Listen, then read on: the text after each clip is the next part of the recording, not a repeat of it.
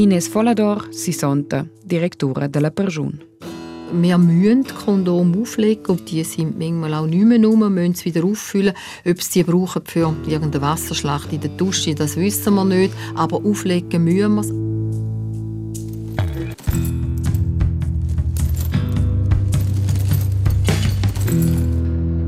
Podcast. Benvegni el Podcast.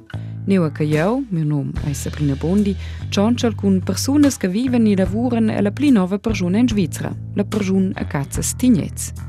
Oggi è vis-à-vis di me la direttora della persona Ines Follador, che racconta mi le regole che date in persona, regole che trova perché la persona è una comunità di persone che lesson di atmen essere che.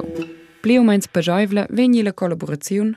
Indem wir uns gegenseitig mit Respekt begegnen. Also wir sicher, wir als, als Mitarbeitende von der Justizvollzugsanstalt Respekt als höchstes Gut anschauen. Der Mensch ist ein Mensch, was er auch immer gemacht hat. Der Respekt aber auch einfordert. A vin quei confin Respekt zur Besaus des Prioniers dati Sanktions. In Exempel. Also wenn wir merken, jemand würde jetzt an einer Mitarbeiterin wollen, wenn sie über den Pausenhof nachpfeifen oder irgendwas sagen, da tun wir keine Grenzen setzen. Das tolerieren wir überhaupt nicht. Le sancziuns ein tottenor gravezia del surpassament u ina admonizione scret, in scamanda visetes ni visetes mopli tras la sciba, in perdis alla cella de rest ni quel che saidi pes perjuniers magari pir in gestic de denes. Denton, bringet ihr denn öppis? Sie versuchen schon zu vermeiden. Also mhm. wenn es jetzt zum Beispiel, es gibt Bussen und ein Bus von, von 20 bis 50 Franken, das ist ein wahnsinns hoher Betrag für das einen sind zwei Tage Arbeit. Das sind zwei bis drei Tage ja. Arbeit, oder? Und dann überlegt man sich das schon auch. Oder auch ein Arrest. Also da ist man dann auf sich selber zurückgeworfen, eine Stunde spazieren, 23 Stunden in dem Arrest und ähm, ich glaube nicht, dass das ein Mensch gern hat, so mhm. ausgeschlossen sein auch von der Gesellschaft, ja. Das ist so die Peitsche, die sie haben. Gibt es auch Zuckerbrot? Also wenn sich eine jetzt besonders gut verhält im Gefängnis, bekommt er irgendwie ein Goodie? Vielleicht ein bisschen also, Melon oder... Gut, also er, er wird zielvereinbart beim Arbeiten und wenn er das Ziel erreicht und sehr gut erreicht, gibt es auch Melon, das macht der Werkmeister. Mhm. Gut ist, haben wir in dem Sinn nicht, dass er irgendwie mal ein Gipfel kriegt, was auch immer, was wir sicher tun, ist loben. Wo man merkt, das tut, er ist ein Mensch, uns tut ja das Lob auch gut, also können wir das auch aussprechen. Eine was die les regles della persona. Ella lex knascht ei klar, a te kein lauter nie se schgenia ei scumandau. Atchnemein, den Ton.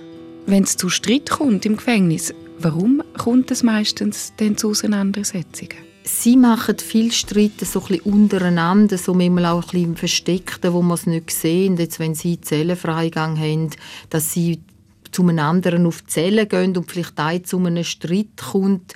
Und wenn wir den feststellen und wir versuchen uns zu klären, was ist, heben es dann doch wieder zusammen, weil der eine nicht dem anderen aus welchen Gründen das auch immer mag sein. Wir haben Vermutungen, wir haben Beobachtungen. Dann tut das gemeinsame Leid der Insassen sie schon ein bisschen zusammenschweissen. Aber das ist immer so, das war in einem Skilager schon so. Gewesen.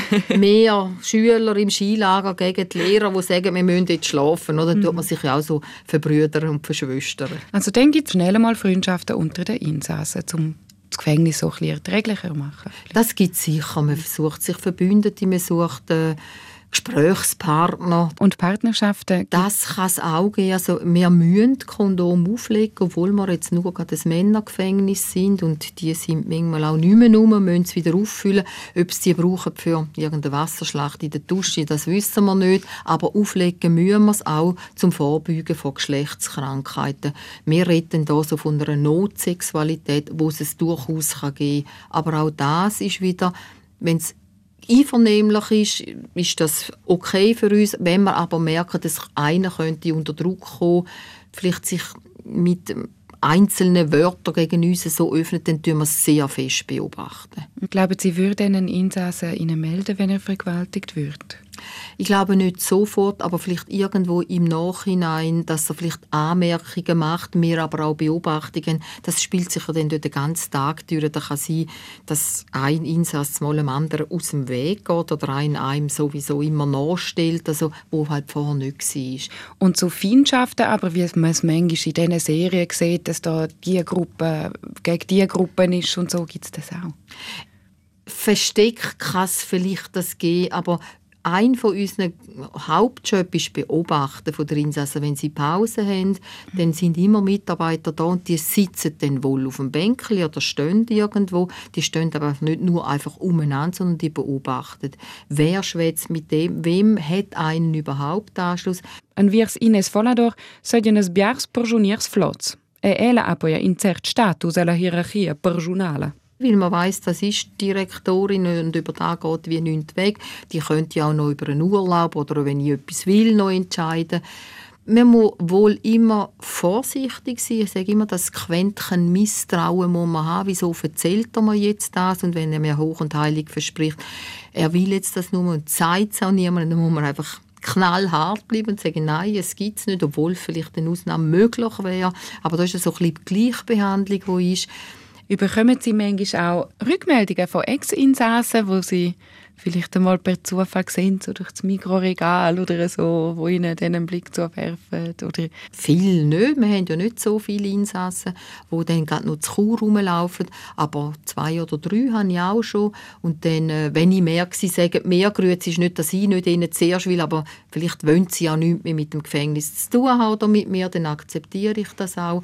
Aber wenn ich sehe, dann sagen sie meistens Grüezi und dann sage ich auch Grüezi. Oder ein anderer, der einem einfach begegnet, wo vielleicht auch mal ein Stammkunde ist und weiss, er muss dann wiederkommen und auch mal sagt, hey, see you soon oder irgend so etwas, so, wo dann auch zum Schmunzeln anregt. Also wirklich, es sind Menschen. Wir haben auch schon Rückmeldungen gehabt, seltene schriftliche, wo sich dann auch bedankt haben, schriftlich, zum Beispiel, dass die Arbeit in der Löscherie sehr gut war und hilfreich und sie gut angekommen sind und so. Und das freut natürlich auch den Mitarbeiter. Mhm. Wenig mal passiert es, aber wenn es passiert, freuen wir uns wirklich. Adele fa bugenzi u job, a vegni a fa quella un tocca la pensiun.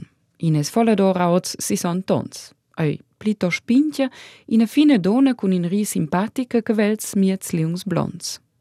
Shin se ses sperella al restaurant ni stes de vosella in reces in casa, vignesins probablement mai si l'idoia che la acque job che la. Cosa i poi viniutir quella forse in tec speciale cerna.